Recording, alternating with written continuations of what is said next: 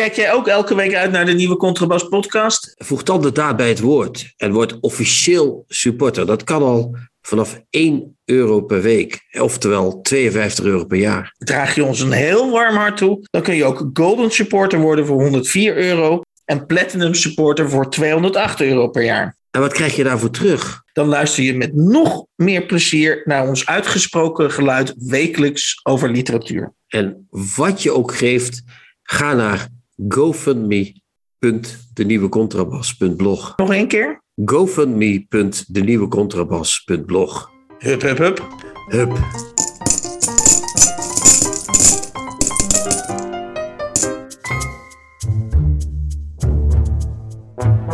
De nieuwe Contrabas. Podcast. Over hedendaagse literatuur en de wereld daaromheen. Met Chrétien Breukers, een elitaire Limburger. En Hans van Willigenburg, zomaar een Zuid-Hollander. Waar gaan we over hebben, zeg het eens. Aflevering Ja, eh, 63. We gaan het om te beginnen hebben even over eh, jouw uitspraak. Eh, dat is, Heb ik een uitspraak gedaan? ja, Oei. Ja, je hebt een uitspraak gedaan, namelijk dat, en dat heb je volgens mij verschillende malen in deze podcast gedaan, dat eh, jij altijd gelijk hebt. Dat is zo, ja. Dat is toch zo? Ja, nou, Ja. precies. Eh, en dat is natuurlijk Ik een... eh, ik voel de val al open gaan. Nee hoor, dat valt mee. Dat mee. Kalabam, daar ben ik. Nou ja, laat ik het zo zeggen. Het is natuurlijk een, een verwijzing naar W.F. Hermans, die een boek schreef met dezelfde titel. Ik heb altijd gelijk. En eh, ik zou dat dan willen uitbreiden, om de- uitbreiden, omdat we samen de podcast maken, naar We hebben altijd gelijk. Dat ook. En ik wil daar even voor verwijzen naar eh, de vorige podcast, want toen hebben we uitgebreid eh, Waar is het lam? Eh, voor de mensen, voor onze vaste luisteraars, die weten dat, want die hebben die, die podcast natuurlijk geluisterd. Hebben wij van Mustafa Stitou, hebben wij, nou ik dacht toch wel, Chrétien, eh, met lof overladen. Ja, we, we waren niet zuinig met onze lof. Dat klopt. Ja, en wie schetst mijn verbazing? Maar dan, dat is dus de vraag die ik aan jou heb. Alfred Schaffer, eh, de al of niet bejubelde criticus van De Groene Amsterdammer. Die, en die, dat zag ik uit mijn, uit, oh, sorry, uit mijn ooghoek. Dat hij zijn ehm, eh, recensie van diezelfde bundel, die dus wij dus heel over besproken hebben. eh, dat hij eindigde met een bundel van de buitencategorie. En nou is de vraag dat als Alfred Schaffer tot dezelfde conclusie komt als wij, is dat een ondersteuning van de stelling dat ik, zeker wij, altijd gelijk hebben? Ja, dat staat helemaal los van elkaar, Hans. Het is zo dat, kijk, als Alfred Schaffer onafhankelijk van ons per ongeluk tot de juiste conclusie komt, wil dat nog niet zeggen dat het oordeel van Alfred Schaffer iets waard is, natuurlijk. Dit oordeel is pas wat waard, Hans, als jij en zeker ik het daarna hebben bevestigd. Dan kun je zeggen, Schaffer heeft ook gelijk. Ook gelijk. Maar dat is wat anders, Hans. Nee, nee, nee. Zo doen we dat niet. Nee. Ja, maar je zal maar Mustafa Stitou heten en je krijgt en bijval van de nieuwe Contrabas podcast van, van de heren Hans en Chrétien. En dan komt onafhankelijk, als ik jou goed begrijp, eh, Alfred Schaffer ook nog tot de conclusie dat het een bundel van de buitencategorie is. Ja. Ik denk dan dat, eh, dat je, om in jouw terminologie te blijven, dat je dan wel een latje krijgt als dichter. Ja, Daar krijg je een behoorlijk latje van. En, eh, dat, zo hard dat je naast je schoentjes gaat lopen, vrees ik. Ja.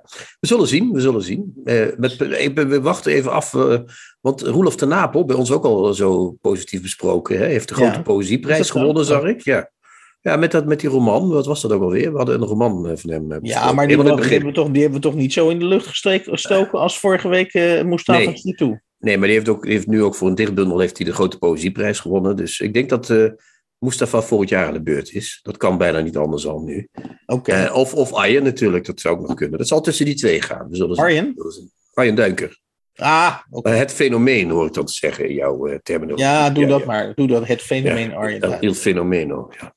Maar goed, we zullen zien, we zullen zien. Ja, leuk. Dat, Ja. dat leidt heel natuurlijk tot het, tot, tot, tot het tweede punt. En dat is wat ik mij afvroeg, omdat je dus altijd met, met de nodige aplomb zegt dat je altijd gelijk hebt. Of dat jij Oh, altijd gelijk hebt. nou, En- nou, nou, Hans. Eh, ja, ik ga er nog even door. He- heb jij nou nooit, daar was ik gewoon puur nieuwsgierig naar. eh, heb jij nou nooit na een aflevering van de nieuwe Contrabas dat je terugluistert? Want wij zijn zo professioneel om het ook terug te luisteren. Ja, ik luister Eh, meerdere malen zelfs, ja. Ja.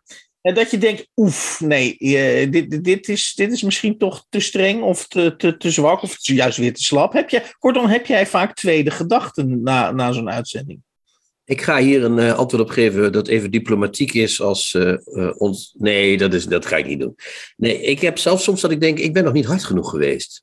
Frank Keizer vorige week bijvoorbeeld. Ja. Daar was ik behoorlijk hard tegen. Maar ik dacht, eigenlijk had ik dat allemaal nog veel erger moeten doen. ik, had dit niet, ik heb het nu gebroken, maar ik had het ook nog moeten opstoken en dan de as nog moeten verspreiden ook nog. Of uitstrooien, of hoe heet dat. Ik, ik, ben, dus- ik, ben, ik ben eigenlijk, als je het goed bekijkt, Hans, ben ik te goed voor deze wereld. Dat is het eigenlijk. Ik, ben, ik, ben, ik heb niet alleen vaak gelijk, ik ben ook echt de, de, de, de zachtmoedigheid zelf. Dat is het. Ja. Hey. Mensen zouden blij moeten zijn als ze een klein beetje kritiek van mij krijgen, want dat ja, komt bijna niet voor. Dus, eh, ik ben te zacht. Ik, ga, ik beloof je, Hans, we gaan vanaf nu gaan we er flink tegenaan.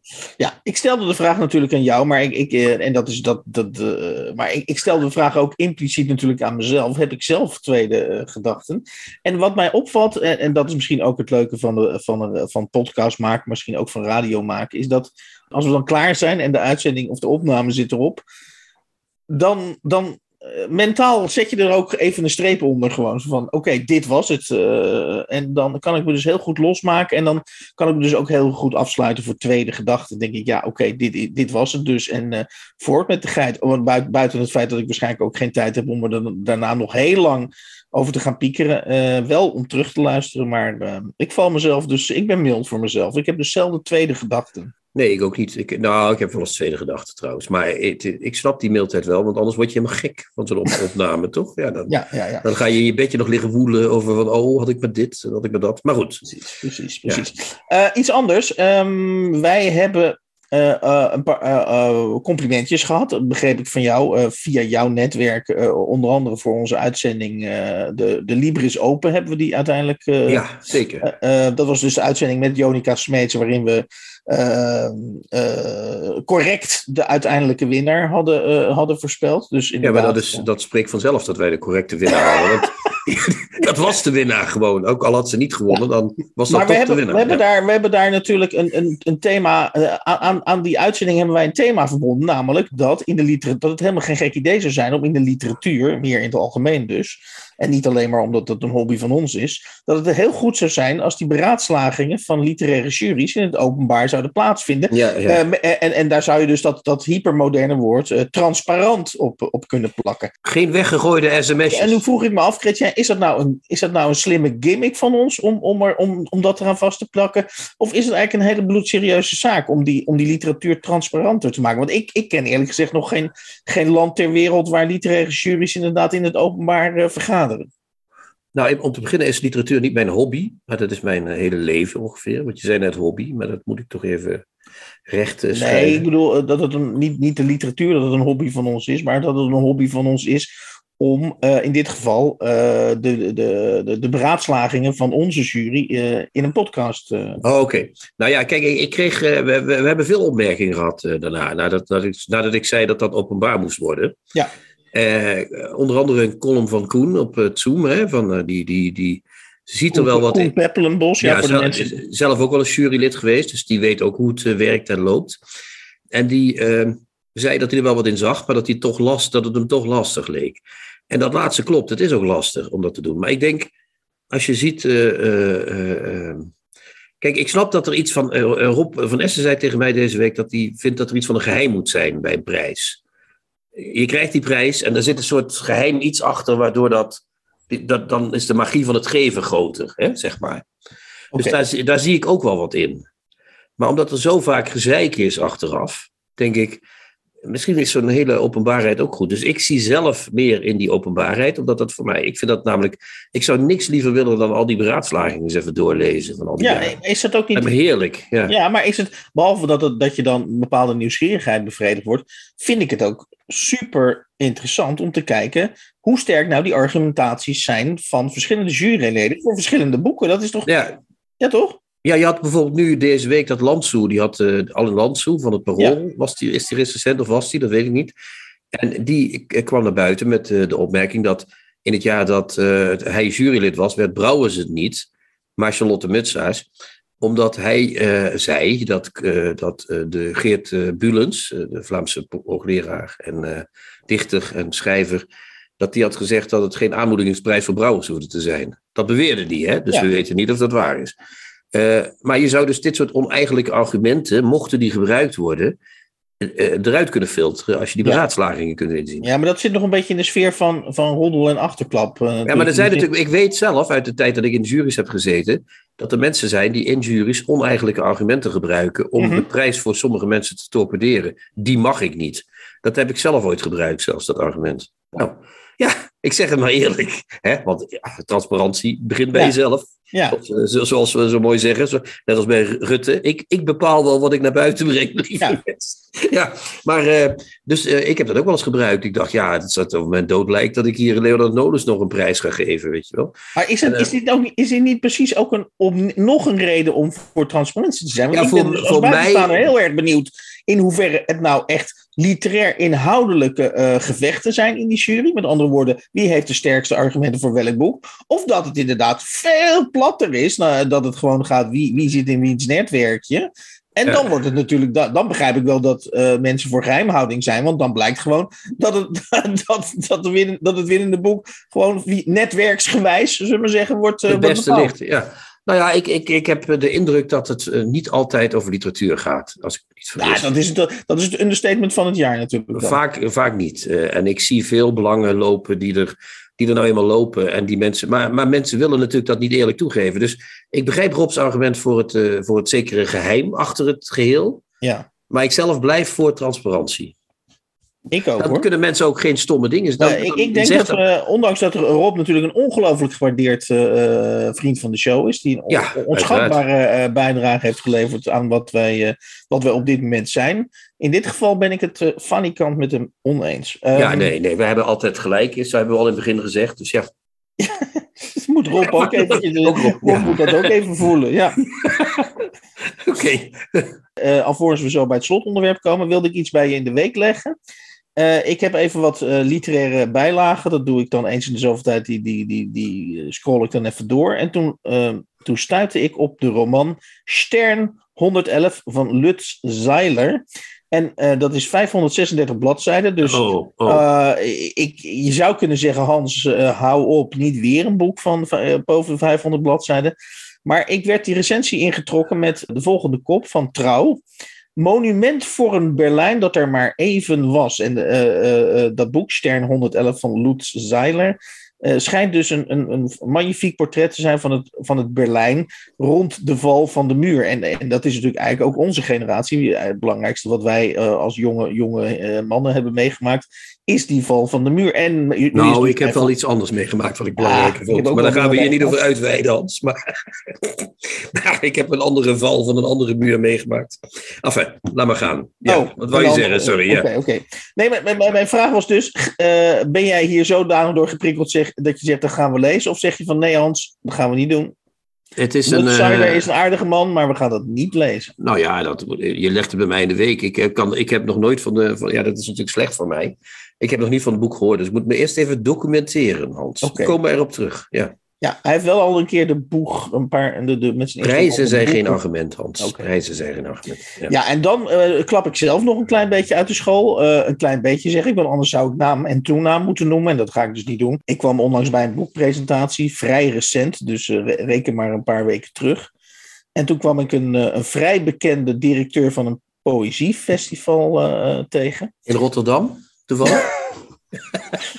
En eh, ja, die, die zei op een gegeven moment... In, eh, ik denk eh, een ex-directeur eigenlijk. Ja, zoiets, zoiets. Ja. En eh, eh, ja, waar ging het eigenlijk over? We hadden het over de literatuur en over hoe het ging met de literatuur. Nou ja, va- vaag, vaag, vage gespreksonderwerpen, kortom, waar je alle kanten mee opkwam. En toen zei hij op een gegeven moment, ja, maar er is wel een groot verschil tussen Nederland en België. Hè? Nou, dat is ook een thema wat we vanavond weer in de uitzending Dat- hebben. Dat klopt. En, hij zei, en toen zei hij, en ik citeer nu, dacht ik letterlijk, ja, zegt hij, want ik ben een naam in België.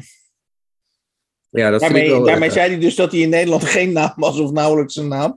En dat, eh, dat deed hem in ieder geval erg, erg goed. Nou ja, Ja, wat leuk voor hem. Ja, ik weet, ik, ik mag niet zeggen wie het is, dat ik denk dat het is, maar eh, van jou, want je gaat toch niks zeggen. Maar als ik zo heette van achteren als die man, dan, dan zou ik wel snappen waarom ik in Nederland geen naam was. maar ja, we kunnen er niks over zeggen, Hans, want jij wil niet. Dus het gaat niet gebeuren. Maar als ik, eh, ja, het is wat een gekwak eigenlijk, hè? zal ik maar zeggen. Ja, oké. Tips van de week. Boeken, artikelen of pamfletten die boven het maaiveld uitsteken. Waar gaan we het over hebben? Eh, we gaan het hebben over eh, het boek wat, eh, wat, wat jij eerst volgens mij wat, wat afwachtend bejegende, omdat jij zei, ja, dat is al zoveel besproken, dat is al overal gerecenseerd, dus ik weet niet of wij daar nog, nog onze, ja, hoe zeg ons plasje, ons overheen moeten doen. Maar ik was zo, ik was toch geïntrigeerd door, door, die, door de titel, namelijk passagiers slash achterblijvers. En eh, daar was ik zo door geïntrigeerd dat eh, het feit dat Thomas de Heerman van Vos, eh, waar ik een stuk minder in principe door geïntrigeerd ben, dat ik dat, dat maakte me dan niet uit. Ik was, ik was gegrepen door, door die recensies, dus ik denk, ik moet dat gaan lezen. Ja, nou, dat is een goede greep geweest, Hans. Het is een Ja. verhalenbundel, hè? dat moeten we er even bij zeggen. Korte verhalen. Dat zeggen ze altijd in Nederland werkt dat niet. Terwijl het toch hele goede korte verhalenschrijvers zijn in Nederland. Dus ik begrijp niet waarom dat dan zogenaamd niet werkt. Zoals namen Nou ja, nou ja we hebben nu eh, eh, de laatste jaren. ehm Rob van Essen. Rob heeft de Bistro-prijs gewonnen. Eh, we hebben Hanna Barefoots, eh, korte verhalen van. ehm, Ja, ik, Onze- ik onze goede Annelies- voormalige vriend Annelies Verbeke, ik weet niet of we die goed ja, vinden. die, vind ik ook goed. Die vind ik ook wel goed. Onze goede oude vriend uh, Joubert Pignon komt nog weer met een nieuwe korte verhalenbundel. Zeer korte verhalen. Een zeer korte verhalenroman. Dan kunnen we eens kijken of die weer in vorm is. De- ik zit nog even te, ja, altijd als je de voorbeelden moet noemen. Nou, je hebt, we hebben er al vier. Dus. We hebben er al vier. Eh, Sanna van Hassel, fantastisch ook. Nou, ja, even. ja, ja. En Thomas Heerma van Vos. Dus dit, Ja, dit die hoort zeker naar aanleiding van dit, eh, deze, deze nieuwe bundel in dat rijtje. Ja, en ik heb hier 1, 2, 3, 4, 6 verhalen zijn het. Ja, En ik eh, kon moeilijk kiezen welke ik het mooiste vind. Maar het zijn allemaal, als we zo eens algemeens iets over die verhalen zeggen. Ja Zal ik- zal ik eens iets Begin maar, begin maar. Want ik heb, jij zegt altijd, eh, ik heb opgeschreven na dat lezen van het boek, heb ik één woordje opgeschreven. Ja. En ik heb één woord opgeschreven, hoewel het zich, eh, nou ja, het speelt zich soms wel in Amerika af, Americana. Het doet me aan het Amerikaanse korte verhaal denken. Ook, ik denk dat hij daar heel verguld mee is dat je dat zegt. Dus ja. eh, Carver, Cheever, een well-made story, weet je wel? Zo'n Mhm. goed gemaakt verhaal, dat zo de New Yorker in kan. Hè, dat Ja. abonnees niet massaal opzeggen, maar toch nog een mooie middag hebben. En eh, dat bedoel ik positief. Ik vind het echt, eh, en ik vind het heel goed, dat is het tweede, heel goed geschreven, dit boek. Zeker. Ik vind dat hij heel precies opschrijft wat hij wil opschrijven. En daarbij ook nog een maximale geheimzinnigheid weet te behouden in al die verhalen. Ja, ik, ik, ik, eh, ik, ik kan daar volledig bij aansluiten. Eh, ik, ik, heb zelf, omdat ik inderdaad altijd wat typeringen voor mezelf eh, opschrijf voordat de podcast eh, begint. En ik had, eh, eh, eh, ik voelde dit als eh, de Lib eh, ik weet niet of ik dat goed verborgen heb tijdens die uitzending over de Librisprijs, maar mijn god, ik, eh, ik, ik, ik had, eh, is denk ik toch wel overgekomen. Jonica sloot daar eh, deels bij aan. Dat was toch wel een opgave, die, eh, het lezen van die boeken voor de Libris Literatuurprijs. En op een gegeven moment begin je dan inderdaad een klein beetje af te vragen van ja, eh, wat zit ik hier eigenlijk te doen? Ja. Maar toen kwam daar dus Thomas Heerma van Vos. En je was er En helemaal blij. en dan, ja, dan begrijp je opeens weer, ja, hier, hier, hier klopt mijn hart eh, voor de literatuur. Dus ik, Thomas, als je, als je luistert of ooit gaat luisteren, geweldig. Je hebt me weer eh, even, even, even scherp en wakker gemaakt. En ik denk, ja, literatuur blijft prachtig. En wat is, wat is, waar gaat literatuur voor jou dan om? In dit, als je dat Eh, dit ik- boek ik- kunt koppelen. ik- ja. ik- ja, ik had bij die zes Libris boeken, dat, eh, en, en dat is ook een heel belangrijk woord, heb ik ook, geno- ook genoteerd. Sorry, ik, moet dingen noteren, anders dan vergeet ik dat. En dan luister ik terug en denk ik, hé, hey, dan heb ik dat woord niet gebruikt. Dat was nou juist een goed woord. Voor mij lazen die zes Libris boeken als projecten. Het waren allemaal projecten. oh, dat vind ik ja. En, en ik hou niet van projecten. Ik wil, als ik een boek lees, wil ik, wil ik een schrijversstem horen. Eh, eh, eh, en bij Thomas Herman van Vos hoor ik een. een- en, en, en het mooie van Thomas Herman van Vos is niet dat het een irritante schrijversstem is. Of, of een opdringerige. Verre van zelfs. Het is geen opdringerige schrijversstem. Maar het is gewoon een stem die weet waar die heen gaat. Die zijn vak beheerst. En, en, en die eh, eh, geen enkele zin opschrijft waar ik iets op af kan dingen. Dus met andere woorden, als, als een scène eh, tien zinnen nodig heeft, dan schrijft hij ook tien zinnen en geen vijftien zinnen en geen vijf zinnen. Dus ja, dat, dat, het, is, het, is aan, het is aan alle kanten is het een prettige leeservaring. Ja, dat klopt, ja. Het en, en het is ook nog eens een keer zo dat hij, wat jij zegt, hij, hij schrijft precies tien, tien zinnen waar er geen vijftien zijn. En dat doet hij dan ook nog eens een keer zonder saai te zijn. Of zonder, eh, eh, want dat kan ook nog, hè. Dat het droog wordt, of, of te, Maar goed, intussen, intussen hebben we hem dus helemaal nu begraven onder de complimenten. Ja, maar, maar waarom eigenlijk? Hè? Dat weten we nog niet. Eh, zal, eh, waar beginnen we mee? Wat, heb jij een favoriet verhaal? Ja, ik heb, uh, ik heb het, mijn favoriet verhaal is Bolen uh, in Philadelphia. Dat is het tweede verhaal, ja, een fantastisch verhaal. En waarom is, waarom is dat jouw favoriete verhaal? Zeg het uh, nou, omdat daar op volgens mij vrij onafvolgbare wijze uh, uh, de schijn van geluk uh, en, en, en de realiteit van ongeluk perfect op elkaar toegesneden. Of tenminste, de, daar, ja, het is, het is hetzelfde als dat je bij wijze van spreken naar een, een, een glimlachende man of vrouw op Facebook kijkt, bij wijze van spreken op het strand. En, alles ziet er goed uit. En je denkt, nou, leuk. Maar je voelt, je voelt al, het trekt. Weet je wel, de, misschien ja, ja. Is, is dat even van die man of vrouw helemaal niet leuk. En dat, uh, en dat weet hij op een fenomenale manier uh, uit te beelden in dat verhaal. Zodanig zelfs dat, uh, want dat ga ik dus niet verklappen hoe dat verhaal afloopt, want dan, dan zou het nee. een spoiler zijn. Maar het, het liep op een dusdanige manier af, dat verhaal, dat ik dacht, hé, hey, ik ga nu dat. En dat is natuurlijk dat is zeg maar de buitencategorie. Als we dan even uh, Alfred Schaffer nog moeten citeren. Buitencategorie is dat je inderdaad door het einde van het verhaal denkt: dit moet ik nog een keer gaan lezen. Ja, dat, dat maar, is het. ja het, het, gaat eigenlijk over. Het, het is, het is, um, je hebt al vaker gezegd: die millennials die, die, die, die weten wij niet mee te slepen. Maar dit is ook een soort millennial geluk. Hè? Mensen, want het is een, uh, hij gaat op bezoek bij een studievriendin, vriend die in, uh, in Philadelphia is gaan wonen. Met een studievriendin ook. Die wonen samen. Lijken heel gelukkig. Nou ja, dan hoor je de doffe roffel van het noodlot al een beetje op de achtergrond mee doen. We zullen het einde niet ver, ver, ver, Maar hij weet je daar inderdaad zo. Je bent verhaal is 50 bladzijden of zo. 40 bladzijden, 45 bladzijden lang heb je niet het idee dat er iets gaat gebeuren. En als het dan gebeurt, stort het ook wel echt met een donderend geraas allemaal uh, in elkaar, zeg maar. Dan is ineens ja. alles ook echt kapot uh, ja. wat er gebeurt. En dan krijg je ook iets wat ook in veel van die verhalen van uh, Heerma van Vos zit. Is een soort, mensen zijn heel hulpeloos vaak. Of, of, of zijn maar een beetje mee aan het meanderen met, het, met de omgeving of met het, wat gebeurt. Iets wat, en, waarvan ik het vermoeden heb dat Thomas Heerma van Vos dat zelf ook doet, ja? Dat zou kunnen. Dat, ik ken hem niet om dat ja. te weten, maar... Wat ik, en, en er komt heel vaak aan het eind een vorm van verborgen agressie. Of een soort passiviteit die helemaal doorslaat, uh, komt er dan ineens. En dat heb je in dat eerste verhaal, dat is mijn favoriete verhaal. Ja, dat is ook een mooi verhaal. Dat ja. heet Het Begin. Dat gaat over iemand die uh, in, uh, ook, ook weer op het oog helemaal picobello, hè, woont in een huisje aan de rand van de stad. Zijn vader komt af en toe langs. Ja. Maar je denkt ook, ja, die jongen is toch ook niet helemaal gelukkig. Het, is niet, het is niet helemaal en die vindt dan een, uh, um, uh, een soort vriendenboekje van iemand die daar vroeger gewoond heeft. Ja. Het waren twee vluchtelingen, een, vrouw, een moeder en een uh, kind. En daar ergerde hij zich helemaal wezenloos aan. En dan vindt hij dat vriendenboekje van dat kind. En dan gaat hij die mensen allemaal opzoeken, die kinderen. Die gaat naar die school om te kijken Ja. van, uh, wat, wat is dat allemaal? Wie zijn dat? Ja, ik zal hier ook het einde niet van doen. Maar daar zit dat hele, ook een beetje dat half agressief-passieve zit daar ook aan het eind in. Hè? Dat hij dat...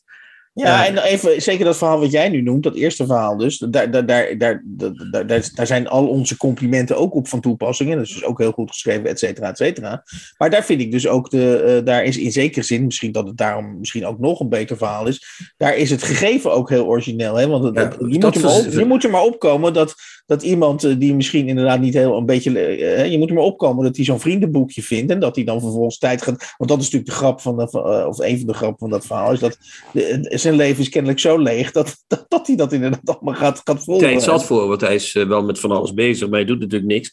Maar wat jij zegt, dat het, dit is een, inderdaad een heel origineel gegeven. Maar Ja. dat verhaal van jou is natuurlijk nog beter. Kun, je- kun je ook weer zeggen, kun je het ook omdraaien. Ja. Dat het verhaal van jou, want hij weet met een heel onorigineel gegeven toch iets heel spannends te maken. Dus hij kan ja, alles, zeker. hij kan eigenlijk alles spannend maken, zou je zeggen. Dat is wel knap. Ook dat verhaal over die ouders. Dat is toch ook fantastisch, hoe die, hoe die met die moeder, eh, dat die, die, die vader, hoe die wordt neergezet als een soort monkelende, binnenzittende, passé figuur. En die moeder die wil nog van alles en die gaat dan een huisje in Vinkenveen huren. Het verschrikkelijkste van het verschrikkelijkste. In Vinkenveen, weet je wel. En eh, bij Johan Cruijff om de hoek. Maar, eh, nou ja, die woonde daar vroeger. Maar, maar in ieder geval ook, dat zijn allemaal hele gewone gegevens. Maar als je het leest, grijpt het je echt. Hij weet je echt die. Daarom is die titel ook zo goed: passagiers, achterblijvers. Het zijn allemaal passagiers, maar er blijft er altijd eentje achter. het, is, het is nooit helemaal goed. En uh, hij weet je echt die plot in te rukken. Zo van: hier, uh, hier komen jij. En uh, je gaat niet weg voordat je weet hoe het in elkaar zit. ja. ja, en ik heb ook het idee dat. en misschien dat, dat, die titel daardoor ook. ik merk dat we echt alleen maar in lof, loftuitingen spreken. Maar goed, dat is niet anders. Ja, dat is, dat is denk ik ook het sterke aan die titel: passagiers, achterblijvers. Dat is een beetje abstract. Uh, een beetje abstracte titel. Uh, passagiers, achterblijvers. Ja, kan iedereen zijn. Wij, kunnen op een gegeven moment, wij zijn ook passagiers en wij zijn in verschillende situaties ook achterblijvers. Dus dat, dat is een hele nondescripte groep. Maar wat hij, wat hij volgens mij heel goed doet, is dat een groep mensen uh, die het misschien inderdaad, wat jij net terecht zei, redelijk voor elkaar heeft. En dus eigenlijk nooit de headlines haalt. En, en dat leven wel, wel eens een beetje, die kabbelen wel door dat leven heen. Dat hij daar, dat hij uitgerekend in die categorie mensen uh, ronddwaalt. En, en daar verhaalstof uh, van maakt. En, en, en, dus, dus hij maakt eigenlijk van een gezichtsloze klasse van, van mensen. Dat is iets heel tragisch. Ja. Hij, hij trekt het velletje los, net zoals Cheever en Carver doen, weet je wel. Ja. Hij trekt even. Ja. Of, Lydia Davis. Hij trekt even het, het, het velletje los en dan denk je, auw, auw, auw, auw. niet doen.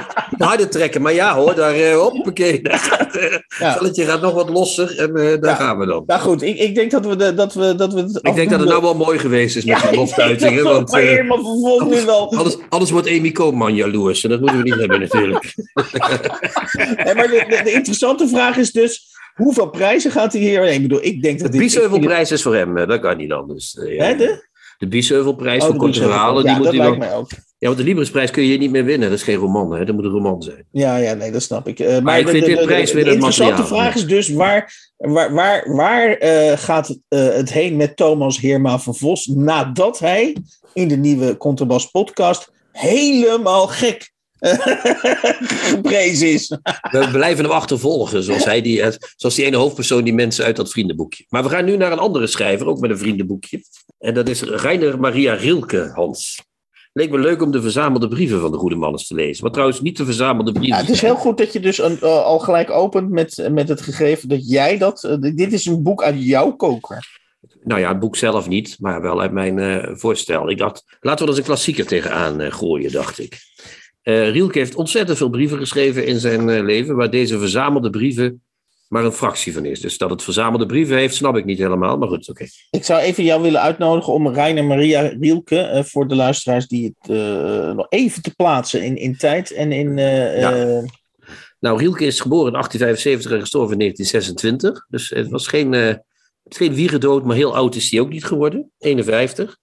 Aan leukemie gestorven trouwens, heel treurig. Maar goed, Eh, eh, bekende dichter, zoals we allemaal weten. Ja. Hè? Gedichten, eh, de sonetten aan Orpheus. nou ja, de, de klassieke premoderne dichter zou je kunnen zeggen. Voor Eliot en voor en, Pound. en wat, wat is zijn status? Want ik, ik, ik kende hem niet zo goed, dan moet ik eerlijk. Wat is zijn status in Duitsland? Elke kind in, in Duitsland kent wel een gedicht van Reiner Maria Ja, iedereen die, op- iedereen die op school is geweest, kent in ieder geval de Panter, hè, dat, dat gedicht.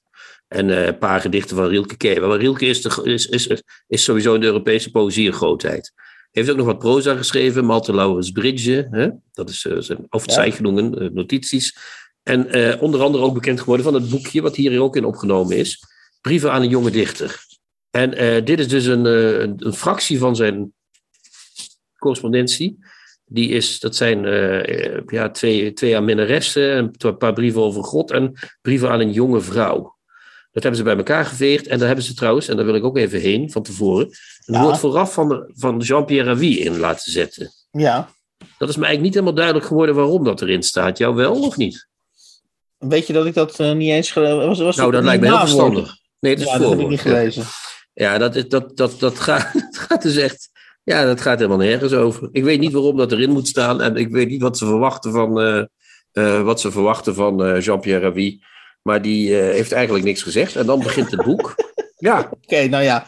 Misschien is hij een goede relatie van uitgever aan balans. Uitgever aan balans. Dat heeft hij weer een leuk klusje. Ja. Heeft hij weer een Enfin, leuk klusje. Maar dan hebben we dus de brieven gelezen. En dan moet ik zeggen dat hoewel de poëzie van Rilke mij zeer dierbaar is. En Malte Laure Bridges ook. Heb ik toch wel een beetje moeite mee gehad met het boek. Ja, maar zeg het maar. Zeg het maar. Ik, nou, het is wel... Ja, nee, in één keer, ik heb natuurlijk een hele andere start dan jij. Jij, jij, jij, jij, bent, jij komt echt uit die poëzie. Jij kende Rielke al. Ik, ik, ik maar zeer matig, moet ik eerlijk over zijn. Ik viel in deze brieven en ik vond het. Ik, ik, ja, weet je, ik werd wel getroffen. Ik, ik had een aantal, aantal dingen die, me, die ik met wil delen. Eén is natuurlijk dat sowieso de brief als vorm, om die weer eens te ontdekken. Gewoon de brief. Uh, ja, tegenwoordig, wie schrijft nog brieven? Dat is natuurlijk een hele, hele flauwe uh, open deur gedachte. Maar tegenwoordig, als je een brief zou schrijven, heb je in feite al een gat in je cv. Ja, wat deed je dan? Ja, ik schreef een brief. Ja, wat hebben we, wat hebben we aan wie dan? Ja, wat hebben we daaraan? Dus een, een, een, een, een, een, een, dik boek lezen met alleen maar brieven. Uh, ja, ik vond, het, ik vond het wel een. Ik vond het een beetje bijna een buitenaardse ervaring. Ik dacht, ja, dat, dat is weer eens wat anders. Ja, dan moet je nagaan dat hij er 17.000 heeft geschreven in zijn leven, hè, die bekend zijn. dus het was, uh, in die 51 jaar heeft hij aardig uh, liggen schrijven. Die, uh, die, je zou bijna zeggen, deed hij nog iets anders dan brieven? Ja, hij begint ook bijvoorbeeld aan Lotte Hebner. Hoeveel bladzijden zou ik niet kunnen besteden aan het beantwoorden van uw brief? En dat is dan al een brief die in dit boek, en dat is een behoorlijk flink boek, die is even acht, even kijken, tien, twaalf bladzijden. Dus ik kan niet zeggen dat hij je ja. maakt er ook echt werk van, van die briefjes. Ja, maar je zou dus vanuit 2022 uh, uh, teruglezen in dit boek. Uh, en dat is natuurlijk een grote hobby van een heleboel mensen. Die gaan met de hedendaagse moraal gaan die terugkijken naar wat er vroeger allemaal gebeurd is. Ik neem aan dat we dat allemaal, dat ik daar de voorbeelden niet van hoef te noemen, want die zijn allemaal talrijk en vreselijk. Maar dan zou je kunnen zeggen, en misschien is dat ook wel een beetje jouw oordeel over Rielke, dan zou je kunnen zeggen, nou, Rainer Maria Rielke of Rainer Maria, uh, het kan ook wel een tandje minder. En met iets minder woorden begrijp ik het ook. Maar ik vind die woordenrijkdom, die, die, die, die overdadigheid, ja, ik, vond, ik, ik heb me er wel mee vermaakt. Zal ik, er een, zal ik er een voorbeeld van geven? Doe dat maar eens even, ja. Uh, pagina, 2, pagina, sorry, pagina 215. Ja. Wat een bedrog om ons het zicht op aardse verrukkingen te benemen en ze, dan achter onze, en ze dan achter onze rug aan de hemel te verkopen. De verarmde aarde had al het geluk dat men van haar geleend heeft om er het hiernamaals mee in te richten, al lang geleden moeten terugvorderen. Wordt de dood ons duidelijker omdat men achter hen de lichtbronnen heeft geplaatst die van de aarde zijn weggesleept.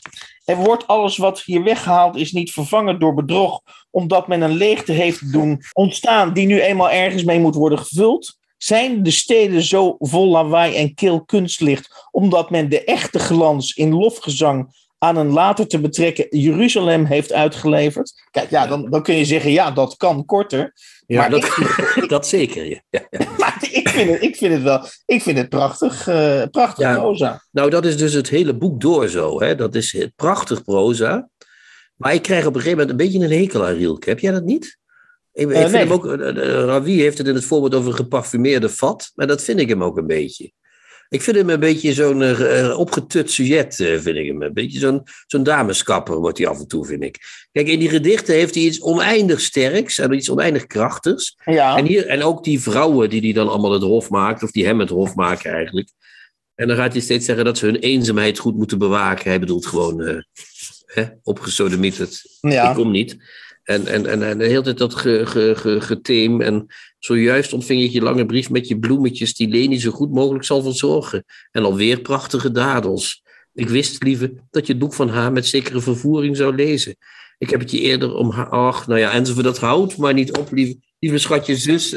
Zal ik proberen hier nog een passage aan toevoegen... wat misschien jou uh, wat, wat jou misschien ergert, wat misschien opnieuw een bewijs is uh, voor het feit dat je je kan en mag ergeren aan Rielke. Misschien kan het wel, ja. ja pagina, heb je wel 300, pagina 316. Op het ogenblik, dit vind ik wel een heel mooie passage. Op het ogenblik ben ik zo egoïstisch, zegt hij zelf dus. Op het ogenblik ben ik zo egoïstisch dat ik zeker niet zozeer zou willen lezen dat je gelukkig bent, maar althans enig bewijs van je kalmte, van je moed zou willen ontvangen. Is het te veel gevergd? Als ik dat aan de kracht van je liefde vraag, is het onmogelijk dat je die een beetje te mijnend gunstig gebruikt en dat je rustig bent voor een deel en om zo te zeggen de vestingmuur te worden van die kalmte, dat evenwicht dat ik al zo lang voor mezelf verlang en dat, je weet het, de essentiële voorwaarde voor mijn verblijf hier is. Ik ben er ineens uit, Hans. Het moet, je moet het horen. Dat is het dus. Want als ik het hoor, denk ik, wauw. Hij, kan ook, hij maakt ook allemaal net als Thomas Mann. Hij maakt allemaal van die uh, marmeren en hardhouten zinnen. Hè? Het, zijn niet, het, zijn geen, uh, het zijn geen korte dingetjes. Uh, zeg nee, ze, vallen, ze vallen niet om als je er even tegenaan, tegenaan klopt. Nee, die zinnen kunnen wel wat hebben, ja. Dat is, uh, die, kunnen wel, die kunnen tegen een stootje. Ja. Nee, maar het is natuurlijk, misschien is dat het wel wat mij irriteert dan. Uh, en dat is dan niet terecht. Uh, dat het te goed het is. de hele tijd maar. Deze mannen, een keer een zes is ook goed, weet je wel. Gewoon, en elke brief wordt wel weer helemaal. Gaat hij ervoor zitten. En, dus die man, heeft, die man heeft in zijn leven waarschijnlijk zo vaak uh, hoe zeg je dat, het beste van zichzelf eruit gegooid. Dat, dat, is bijna niet te begrijpen gewoon. Dat, hoe, hoe, krijg je het voor elkaar, weet je wel? Ja, en dat, dat, dat is dus precies wat mij ontroert aan die brief. Ja, dat snap ik. Dus mij eigenlijk ook wel, bedenk ik nu, nu ik het zo... ja, dat hij, dat, dat hij dus, waar hij steeds blijk van geeft, tenminste zo lees ik deze brieven, is dat hij zich tot het, toch redelijk tot het uiterste uitput om de stand van Mar Rainer Maria Rilke tot op dat moment aan degene aan wie hij die brief schrijft uit te leggen. En, en, ja. en dat doet hij dan inderdaad niet zonder, niet met, met zesjes, met, met zesjes zinnen, maar al inderdaad met negen en tien zinnen. Negen en hoger, ja, ja. Minder, en ook als hij tegen die dichter schrijft, die, die jonge dichter, die Kappoes, of hoe heet die? Ja. Dan, die, die, die, die krijgt ook de hele tijd eigenlijk brieven die, er, die erop neerkomen dat die gedichten van hem totaal waardeloos zijn. En na 16 jaar of zo krijgt hij een keer een briefje dat één sonnet, dat vond hij toch wel, vond hij toch, ja, vond hij toch wel een mooi sonnet. Had hij een paar keer overgelezen. Dus die man is gewoon 20 jaar gegeeseld door Rainer Maria, zeg maar. En die heeft gewoon op zijn kop gehad. ja, maar dat, dat, dat, dat, dat is dus nog iets ontwapenends, laat dat zien. Namelijk dat hij dus iemand die die dus een slecht dichter of een matig dichter vindt. Dat maar die, vindt hij wel heel aardig op een of andere manier. Nou ja, dat hij die, die dus gewoon uh, eindeloos brieven, uh, dat hij wel uh, grote delen van zijn tijd besteedt aan het, aan het ja. beantwoorden of het, of het schrijven naar een dichter die die in wezen een slechte of matige dichter vindt.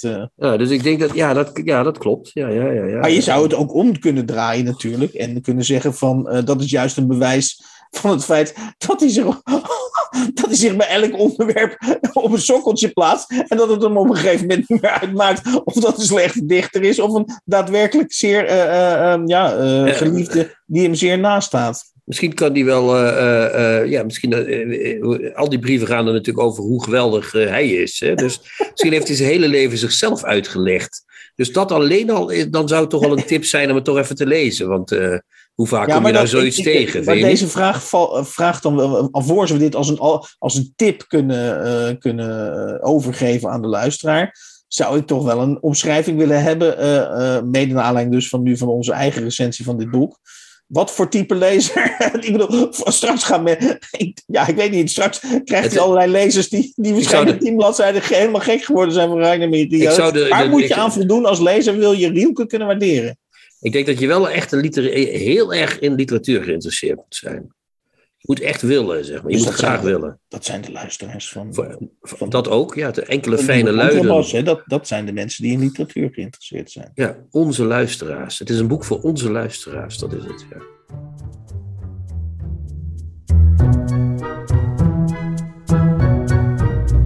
De nieuwe Contrabas. Podcast we hebben een gast eh, in de, in de nieuwe contrabas en dat is uh, Sam de Graven. Welkom Sander, of Sam, sorry. Uh, een mooie avond gewenst. Jij bent uitgever in, uh, in Vlaanderen van een uitgever waarvan ik de uitspraak even aan jou overlaat. Want ik, ik struikel altijd over de naam van jouw uitgeverij. Wij, we kunnen het heel eenvoudig houden. De volledige naam van de uitgeverij is genoemd naar de twee heren oprichters. En die heten Borgerhof en Lamberechts. Maar de uh, naam van mijn literaire imprint die ik voor hen verzorg is heel eenvoudig BNL. Ah, dat, dat is makkelijk, ja. Want jij bent crossmediaal uitgever, begreep ik, van, uh, van je cv.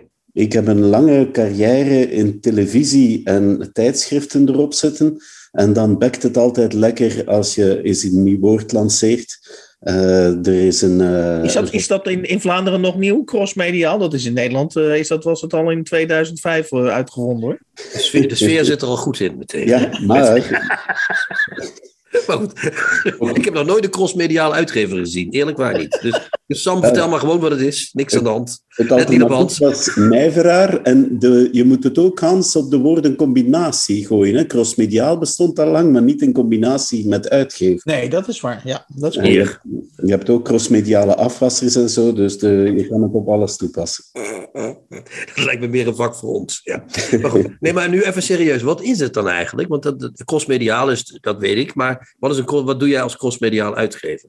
Wel, eh, in alle eerlijkheid eh, is de ambitie altijd geweest van kijk, eh, mensen zijn verhalenvertellers, de literatuur is een vorm van verhalen overdragen, maar je kan een verhaal ook op een andere manier vertellen. Dus ons huis heeft eigenlijk ook een televisieproductiehuis. Eh, en aangezien ik die achtergrond in televisie had, eh, ja, was het een beetje de bedoeling om te kijken telkens van hmm, wat kan je doen op het net, wat kan je doen eh, en met welke mensen kan je wat op welke manier vertellen. Eh, de, die term hebben we een jaar of vier, vijf geleden hè, gelanceerd en ik ben te lui om die van het net te halen, maar ik ben mij door de jaren heen wel steeds meer op het woord en op het geschreven woord alleen gaan toespitsen. Oké. Eh, dus de, aangezien daar toch een soort van eh, ja, ware liefde ligt. eh, en dat, je, ja, dat de, de ervaring toch leert dat je daar al je focus voor kan gebruiken ook. Oké, dus als ik denk van een, als ik ga, ooit uitgegeven mo- zou worden door Borgerhof en Lamberix, eh, dan is niet de consequentie, omdat daar crossmediale uitgevers rondlopen, bijvoorbeeld in, ja, in de persoon van jou, dat er ook wordt nagedacht of, of, of ik niet in plaats van een boek moet publiceren, een televisieserie moet gaan, eh, in een televisieserie moet gaan verschijnen. We hebben er alle begrip voor dat heel veel schrijvers beter niet in beeld komen. Nou, point po- teken. Wat ik, wat ik zeker van je wil weten, eh, en, en, en, en nogmaals, je hebt net al gezegd dat je uit de televisiewereld eh, eh, afkomstig bent. Ehm, wat maakt het dat een, een man eh, als jij dat eh, eh, heb je een overstap maakt of een deel van zijn tijd niet meer in televisie gaat investeren, maar in literatuur? Want dat vind ik wel, dat, dat, dat is natuurlijk vrij opmerkelijk. Dat doet lang niet iedereen. Nee, maar natuurlijk in een heel ver verleden heb ik eh, letteren gestudeerd. En in de televisiewereld was ik altijd die gekke jongen die zoveel boeken las. Eh, dus ik heb jarenlang hè, de talkshow gemaakt, de laatste show, hè, wat dat toch Oh, een grappig. beetje... ja. Ja, een beetje. Ik, ja, de, en waar ik, eh, waar ik heel graag schrijvers uitnodigde. Eh, en dan heb ik tien jaar de slimste mens ter wereld eh, gemaakt, eh, waar we toch ook altijd een poging deden om naast de occasionele slagerzanger ook eh, iemand te hebben die op een andere manier met het woord bezig was. Dus ik- Brusselmans natuurlijk, hè? vriend van de Inderdaad. show. ja. Maar de letteren hebben mij eigenlijk nooit losgelaten. Eh, ja, en dan, eh, dan word je iets ouder, dan merk je dat je kinderen je niet meer mateloos bewonderen omdat je iets voor televisie doet. En dan denk je, ach, stik de moord met al je stoeme internetfilmpjes, ik ga voor mijn passie kiezen. Oké, en toen ben je dus, eh, dat is het moment waarop je bij Borgerhof en Lamberitz terecht kwam, of niet? Eh, wel, ik heb eigenlijk, ik ben gestopt na 17 jaar bij het eh, Belgische productiehuis Woestijnvis. Eh, en dan ja, heb ik me daarover beraden. En dan ben ik eigenlijk met de, vooral de Vlaamse spelers in het boekenvak gaan spreken van wat we voor elkaar konden betekenen. Omdat ik die, ja, die ambitie had om ja, de, eh, naarmate de adem van de dood dichterbij komt, dat je voelt dat het leven korter wordt om met de belangrijke dingen des levens bezig te zijn. En of eh, ik besefte dat ik daar een pak minder geld ging verdienen. Eh, maar dat de arbeidsvreugde er groter zou worden, hoopte ik. En dat is ook zo gebleken. En alvorens we ingaan op de positie van het Vlaamse boek eh, ten opzichte van bijvoorbeeld eh, het Nederlandse, of het, eh, het Ne- het boek uit, uit Noord-Nederland, zou ik maar even zeggen. Mhm. Ehm, hoe, hoe, trof jij, hoe trof jij de, want, want je hebt die overstap gemaakt, dat was je passie. Hoe trof jij, ik, ik formuleer de vraag expres zo breed mogelijk, hoe trof jij het Vlaamse boek en de Vlaamse literatuur aan? Ja, dat is, een, dat is een heerlijke vraag natuurlijk. En dat is een hele ingewikkelde vraag. Maar de, ik denk dat de, de muur tussen eh, het, eh, het Vlaamse landsdeel, want uiteindelijk zijn we een landsdeeltje, eh, en de muur tussen het Vlaamse landsdeel en de Noord-Nederland, eh, die heb ik altijd eh, vervelend gevonden eigenlijk. Eh, eh, dus eh, er is een lange traditie van Boon, Elschot, eh, noem maar op, die allemaal naar het noorden trekken. Sinds wij daar in 1585 onze intelligentsia naar het noorden hebben gestuurd. Eh, eh, eh, is eh, wel een godsbeweging, ja, maar goed, oké. Handelaars waren het, eh. Ja. maar goed, ja. Eh, wel, inderdaad, maar dat blijkt ook eigenlijk. eh, Er zijn een heel aantal, eh, ik wil het niet te karikaturaal maken, maar er zijn toch een heel aantal karikaturen die, die toch van tel zijn. Eh, en eh, de uitgeverij bij wie ik aansluiting heb gevonden, Borgerhoff en Lambrechts, die waren eigenlijk een vreemde eend in de bijt in het eh, Vlaamse uitgeverslandschap. ja want ik, mag ik daar eens even kort iets over... Sorry dat ik je onderbreek. Nee hoor. Eh, maar, maar het is nadrukkelijk een Vlaamse uitgeverij, inderdaad. BNL, hè, dat is echt heel, dat is, dat is belangrijk in dit geval. En Mhm. die, die, die integratie tussen die twee culturen, die eigenlijk in 1830 kunstmatig is eh, aangebracht, Ja, die heeft natuurlijk al veel ellende veroorzaakt. Zelfs de, de onlangs overleden Jeroen Brouws heeft er nog veel over geschreven. Hè? Die Ja. merkte zelf als uitgever van Manteau ook dat veel van die boeken niet naar het noorden eh, konden worden verkocht. Maar dat die auteurs wel regelmatig te gang. Dus toen speelde dat eigenlijk al. klopt. En dat heb jij natuurlijk nu een aantal jaren meegemaakt, dat dat speelt. Dat die auteurs, die willen ook allemaal naar het noorden natuurlijk. Daar Wel, komt het op eh, neer, toch? Of niet? Er is natuurlijk, je hebt aan de ene kant, als we eh, even het door de karikaturen de werkelijkheid proberen te schetsen, dan klopt het wat dat je zegt, hè, dat de, de handelsgeest in het noorden heel fel is eh, en dat de creativiteit eh, in, in Vlaanderen zeer groot is. Maar dat de, er is een soort van zelfhaat die de Vlaming heeft. Eh, en van, we sturen, we laten alle kranten, alle Nederlandse kranten worden door Vlaamse hoofdredacteuren bestierd. of werden tot voor kort. Ja, tot voor kort werden dat wel, ja. ja, Ja, ja. maar de, de, de- ja, de, de ambitie om vanuit Vlaanderen literair te opereren, die was eigenlijk zo goed als afwezig. Maar waarom is dat dan? Is dat alleen maar te wijten aan het feit dat er minder Vlamingen zijn dan Nederlanders? Dus dat is simpel gezegd dat het afzetgebied groter is? Wel, eh, ja, het gaat er inderdaad om, om, kan je de muur slechten of niet? Want als je Vlaanderen als afzetgebied eh, alleen hebt, ja, dan is het heel moeilijk om je zaakje draaiend te houden. Ja. Eh, de, en de, de afkalving van de, de echte literatuur is natuurlijk ook eh, ja, is overal. Eh, dat geldt voor de beide landen. Dus als je een, ja, een onderneming wil overeind houden met literatuur, dan moet je op een of andere manier een bron van inkomsten hebben die breder is dan, Ja. dan enkele dingen. Kijk maar naar de bezigen bij Antwerpen. Dat is natuurlijk mislukt omdat dat niet... nou ja, die hadden literatuur en dat was niet genoeg om dat draaiende te houden, helaas. Ja, dat klopt. En dan merk je dat eh, eh, je, ik ben natuurlijk een romanticus eh, in het diepst van mijn gedachten en een, overigens een geweldig grote fan van Jeroen Brouwers. Maar eh, de, eh, het is natuurlijk niet zo dat een tekst, als die goed is, de grens per definitie oversteekt. Nee, dan heb je de handelsgeest nodig en dan merk je dat er eigenlijk, hè, de, in, in Vlaanderen is de evolutie in de kranten zo eh, dat de, bijvoorbeeld de morgen dermate gefusioneerd is met de, ehm, eh, met de Volkskrant, dat de, de, de Dat, aandacht... is- dat is inwisselbaar, ja. Dat, eh, Ja, maar de aandacht voor literatuur is vooral Noord-Nederlands. Of als er Vlaamse boeken aan bod komen, dan zijn het Vlaamse boeken, dan zijn het Vlaamse auteurs die bij een Nederlandse uitgeverij worden uitgegeven. En het is als Vlaamse uitgever, en dat zeg ik niet alleen namens mezelf, maar ook namens mijn weinige collega's die ik heb, is het eh, knap lastig om aandacht voor je boek te krijgen. Ja, want als jij je als Vlaamse uitgever wil gaan eh, eh, profileren, hè, dat betekent dus dat je auteurs zult moeten zien te krijgen. Die, dat, die daaraan mee willen doen, aan die, Ja, die herleving van de boekentraditie in Vlaanderen. Hoe gaat dat in zijn werk nu?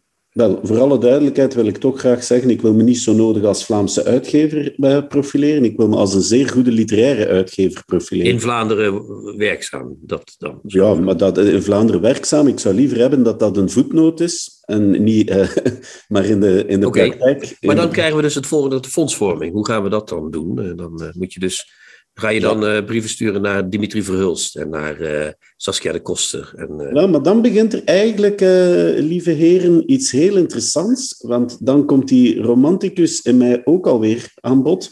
Ik leer door scha en schande dat Prometheus, dat die naam dus eigenlijk komt van het vuur bij de goden stelen. mhm. En dat dat een soort van Nederlandse sport is om auteurs elders weg te halen. Eh, Niet alleen een Nederlandse sport, mag ik er even ter verdediging van de Nederlanders. Wijzen. Ja, maar, maar dat zijn dus dingen waar ik eigenlijk uh, de voorbije jaren eigenlijk niet echt mee bezig ben geweest. Uh, ik, ben, ik, mag, uh, ik mag zeggen, en wellicht is dat toch ook een beetje dankzij netwerk en honger. Ik mag zeggen dat ik al een pak hele goede boeken heb uitgegeven van mensen die ik niet ben gaan halen. Nee. Uh, dus de, meer zelfs, de, ik kan me niet één boek herinneren van een auteur die ik elders zou gaan halen zijn. Ik vind dat eigenlijk onbeleefd. Een paar goede voorbeelden voor ons? Wel, de, uh, in, uh, in NRC is de hele mooie roman Rovers van Jan van Riet, de dichter-schilder uh, romancier, besproken. Dat is een briljante, hele mooie roman. En ja, Jan die is netjes komen aankloppen. Dus de, ja. daar moest ik geen telefoon voor nemen. Oké. Okay. Josse de Pauw, ah. de Pauw die, wellicht kennen jullie nog Smans meesterwerk Werk. Uh, van een jaar of dertig geleden. Nee, dat had ik alleen van horen zeggen, moet ik eerlijk zeggen. Wel, een fantastisch boek, echt. Uh, to, uh, een, een, boek dat het destijds ook in het noorden goed gedaan heeft. En Jossen en ik, dat bond elkaar wel. Wij hadden alle twee ooit een voorschot gekregen van de bezige bij als auteur. en we werden alle twee ongeveer gelijktijdig gesommeerd om dat terug te betalen. Oké. En ja, dat, dat is onterugvorderbare voorschot. Hè? Dat is niet waar. Dat mag niet. Ja, maar uh, dus, uh, er zijn wel meer illusies doorprikt. Dat is waar. Ik wil graag nog iets vragen over die culturele muur uh, waar je helemaal in het begin over sprak. In die zin is het hartstikke interessant dat je uit de televisiewereld komt. ik weet niet precies hoe oud je bent, hoef je ook niet te zeggen. Maar ik weet in ieder geval één ding zeker. Dat toen ik opgroeide en er in zekere zin nog een schaarste was aan zenders dat je regelmatig uh, naar een Vlaamse zender of, uh, ging kijken. En, en Vlamingen, dat weet ik, die keken ook regelmatig naar Nederlandse zenders. Dus je, je, wist, je wist ook, niet iedereen, maar je wist iets wat er over in Vlaanderen speelde. En, en omgekeerd wist je er ook iets van. Maar sinds de komst van het internet. Uh, en de commerciële een zenders. Een soort ook. explosie van zenders.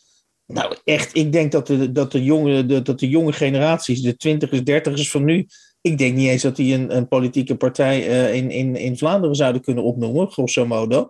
En dat die culturele muur, uh, dus in die zin, uh, ondanks notabene dat we allemaal in eenzelfde Ja, Europese, allemaal in dezelfde. Europese Unie zitten en we, en we zogenaamd allemaal naar elkaar toe groeien, dat de wederzijdse kennis rap aan het afnemen is. Wel, je hebt natuurlijk, ik vraag, me, uh, ik vraag me dat af, je hebt natuurlijk, hè, uh, wat Chrétien suggereert is, hè, in 1989 had je de eerste grote commerciële zender en, uh, in Vlaanderen.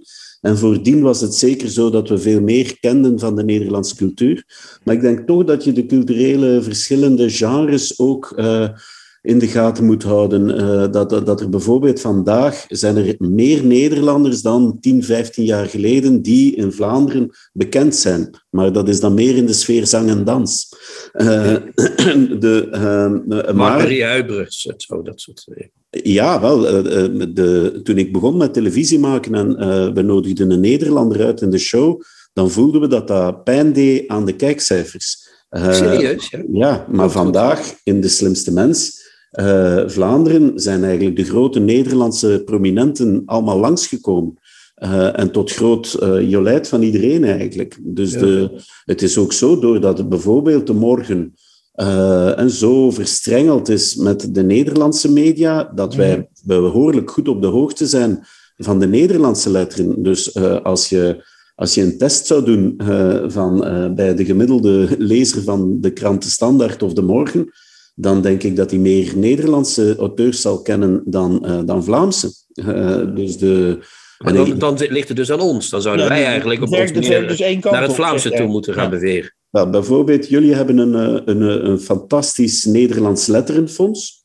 Maar dat hebben jullie ook, toch? Dat is ja, jullie ook. Maar uh, Nederlanders met de, de, handelsgeest, die weten ons fonds dat piepklein is en dat helemaal niet zoveel geld heeft. Die weten die, dat onmiddellijk te vinden om er ook een graantje van mee te pikken. Omgekeerd, Mag dat zomaar, ja? Mogen wij daar... Uh, ik heb daar nog nooit iets aangevraagd, hoor. Dat, uh... het siertje, maar laten we zeggen dat ik toch wel ook andere dingen tegenkom. Oké. Okay. dus, okay. en ik, voor alle duidelijkheid, ik ben daar vooral... Sam, of niet? Nee, even- gaan we voorbeelden noemen of gaan we even dat niet doen nu nog? Ja, dat heeft niet zoveel zin. De, eh, de, ik, ik wil straks wel geweldig venijnig roddelen hoor, maar dat, Ja, dat doen we daarna nog wel even. Ja.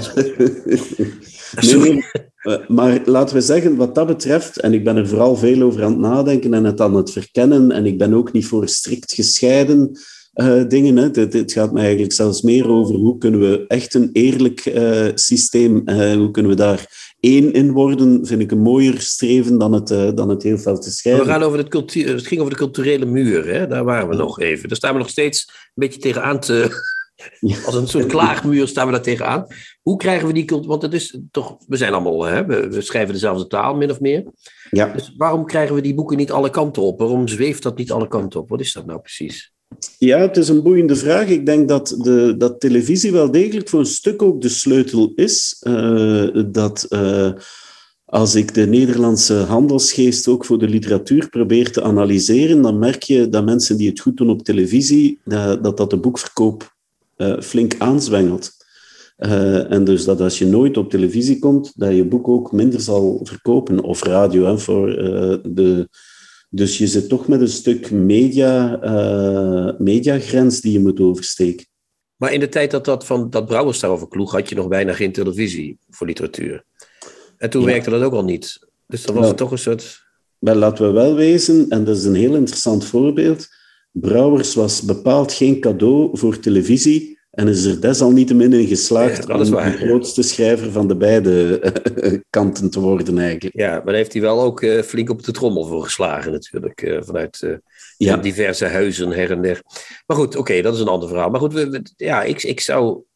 Heb jij nog iets, Hans? Of ik zit, Nee, zit- nee, nee, ik luister. Ik, Ik, nou, ik, zou het, eh, ik zou het heel erg toejuichen dat in, eh, in een land waarin eh ja, Manteau, eh, vroeger had je Manteau en daarna, toen Weverberg nog eh, jonger was, toen eh, had je een paar mooie uitgevers, Houten Kiet, eh, weet ik Ja, veel. zeker. Dat bestaat eh, nog Lano, steeds. hè. herinner ik me. eh, ja, dat bestaat nu als een soort thriller uit, eh, dus, eh, uitgeverij. Ja, ja. nee, ze, je, je hebt in, Vlaam, je hebt in. Vlaanderen vandaag... Ja, Houtkiet bestaat nog steeds en doet af en toe toch een, een soort van stap richting literatuur. Eh, maar ja, bij, bijna elke Vlaamse uitgever doet natuurlijk veel tegelijk. Hè. De, de grenzen tussen fictie en non-fictie vervagen sowieso. Eh, maar je hebt Pelkmans, je hebt Houtenkiet, je hebt nog een, een, een verre afgeleide van Manteau, die nu, eh, eh, dat heet nu Angèle. Oh, Eh, oké. ja, en dan heb je de, de experimentele collega's van het Balanceer. Ja, mooie Eh, uitgeverij. Ja. Ja, eh, ik mag zeker uitgeverij Vrijdag eh, niet ja. vergeten vermelden. En dan eh, wij, en dan zal je er nog wel wat hebben, maar ik denk dat... Dat is wel een grote bulk, zeg maar. Ja, ja, ja, ja. ja, ja. En dan natuurlijk ben ik er wel apen trots op dat ik als Vlaamse uitgever erin ben geslaagd om nog eens een revenboek eh, Ja. Ja, daar waren wij wat minder over te spreken, als je dat al gehoord hebt. Weet ik niet, maar, eh, maar ja, niet over, maar ik bedoel, het waren wel natuurlijk een beetje de, ja, het waren niet de beste brieven van Reven, laten we het zo zeggen. Ja, maar eh, die, ook dat gesprek wil ik natuurlijk met heel veel plezier eh, voeren. In die zin dat de. Ik, vond het zelf als, eh, als liefhebber van Reven heerlijk om nog eens een brief te lezen die ik nog niet gelezen had. Dat is waar. Eh, ik, eh, dat, dat ik dat boek niet meteen moest insturen voor de, de Gouden Uil of de Libris. mag van ook niet, het geen roman. Dus. Ja, dus de, maar vond ik het legitiem om die, vond ik die uitgevenswaardig, zeker en vast. ja. Ik heb nog wel een, wel een soort, eh, voor mij, wat mij betreft, een soort slotvraag. En dat is dat je net eh, met, een, met een zweem van ironie zei van, eh, eh, met dat, de- dat je nu de adem van de dood dichterbij komt. Dat je, dat je kiest voor je, voor je passie. En, en ik, ik vroeg me eigenlijk af, wat, wat wil je... Wat wil je, ja, dat klinkt een beetje, maar wat, wat wil je bereikt hebben of wat wil je voor elkaar krijgen als uitgever om achteraf te kunnen zeggen, dat was toch wel goed dat ik voor die passie gekozen heb? Of heb je al dingen gedaan waarvan je zegt, dat rechtvaardigt al het feit dat ik die keuze gemaakt heb. Eh, wel, de, ehm, in alle eerlijkheid eh, wil je het leven ten volle leiden en wil je dus dag, dag in dag uit met je passie kunnen bezig zijn. Eh, dat lukt aardig, maar dat daar een, een soort van doelstelling is dat je er ook echt je brood mee kan verdienen. Hè? Dus dat, met de literatuur en de literatuur alleen, dat punt heb ik nog niet bereikt. Dus, de, eh, dus eh, als dat een streven mag zijn, laat het dat dan zijn. Uh, maar ik, ik, ik, heb nu weer een roman die uh, deze zomer, eind deze zomer uitkomt, waar, zo, waar ik ja, uh, zo trots op ben ja, dat ik eigenlijk heel vrolijk door het leven ga. Oké, ik zou zeggen, vergeet hem niet op te sturen naar de nieuwe ja, tegen die tijd. Welke is het vooral? Of weet je dan? De titel is De Randen en het is een boek van een man die Angelo Thijsens heet. Oké, okay. goed dus, gedacht. Ja, dus een, een, een Vlaming die op dit eigenste moment in Cannes zit als uh, scenarist van een film, maar die dus uh, een, ja, een hele mooie, lang uitgevallen uh, novelle en korte roman heeft geschreven. Oké, okay. we gaan het in de gaten houden. ik dank u zeer.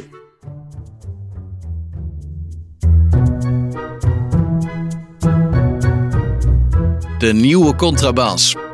Podcast. In de 63e aflevering van de nieuwe Contrabas podcast uh, hebben we besproken passagiers, achterblijvers, uh, een verhalenbundel van Thomas Heerma van Vos, verschenen bij Das Mag in 2022. En daarna bespraken we uh, verzamelde brieven van Rainer Maria Rielke. En die zijn vertaald door Theo Duquesnoy en uh, Hering-Moorman. En er is een woord vooraf wat we verder kunnen overslaan. Maar uh, het is in ieder geval geschreven, laat dat gezegd zijn, door Jean-Pierre Ravi. Ja, er is nog een derde vertaler, die heet A.J. Kuppen.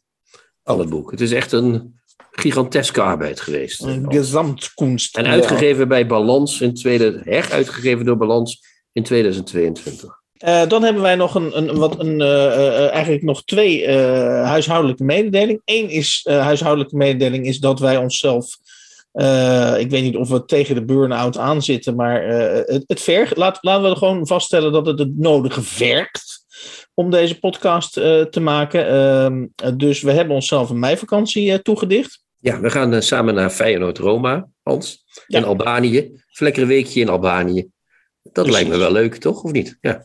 Ja, en verder zou het enorm helpen, en dat is de tweede huishoudelijke mededeling, is dat wij dat de teller al, uh, nou, ik denk al zo'n dag of 15 op uh, eh, 3972 euro is blijven staan. Uh, eh, 28 euro, mensen. Wie maakt ons los? Hè? Geen woorden, maar daden, zou ik tegen de ja, en welke woorden, hè? En welke daden? Tjoe, tjoe, ciao, ciao. Tjoe, tjoe, cha, cha. En nog van alles, toch?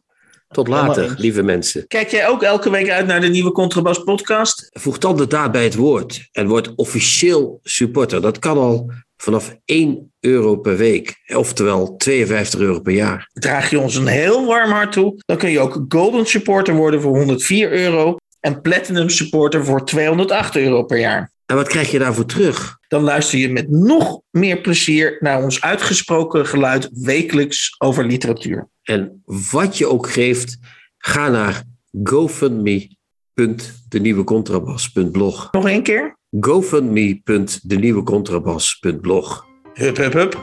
Hup.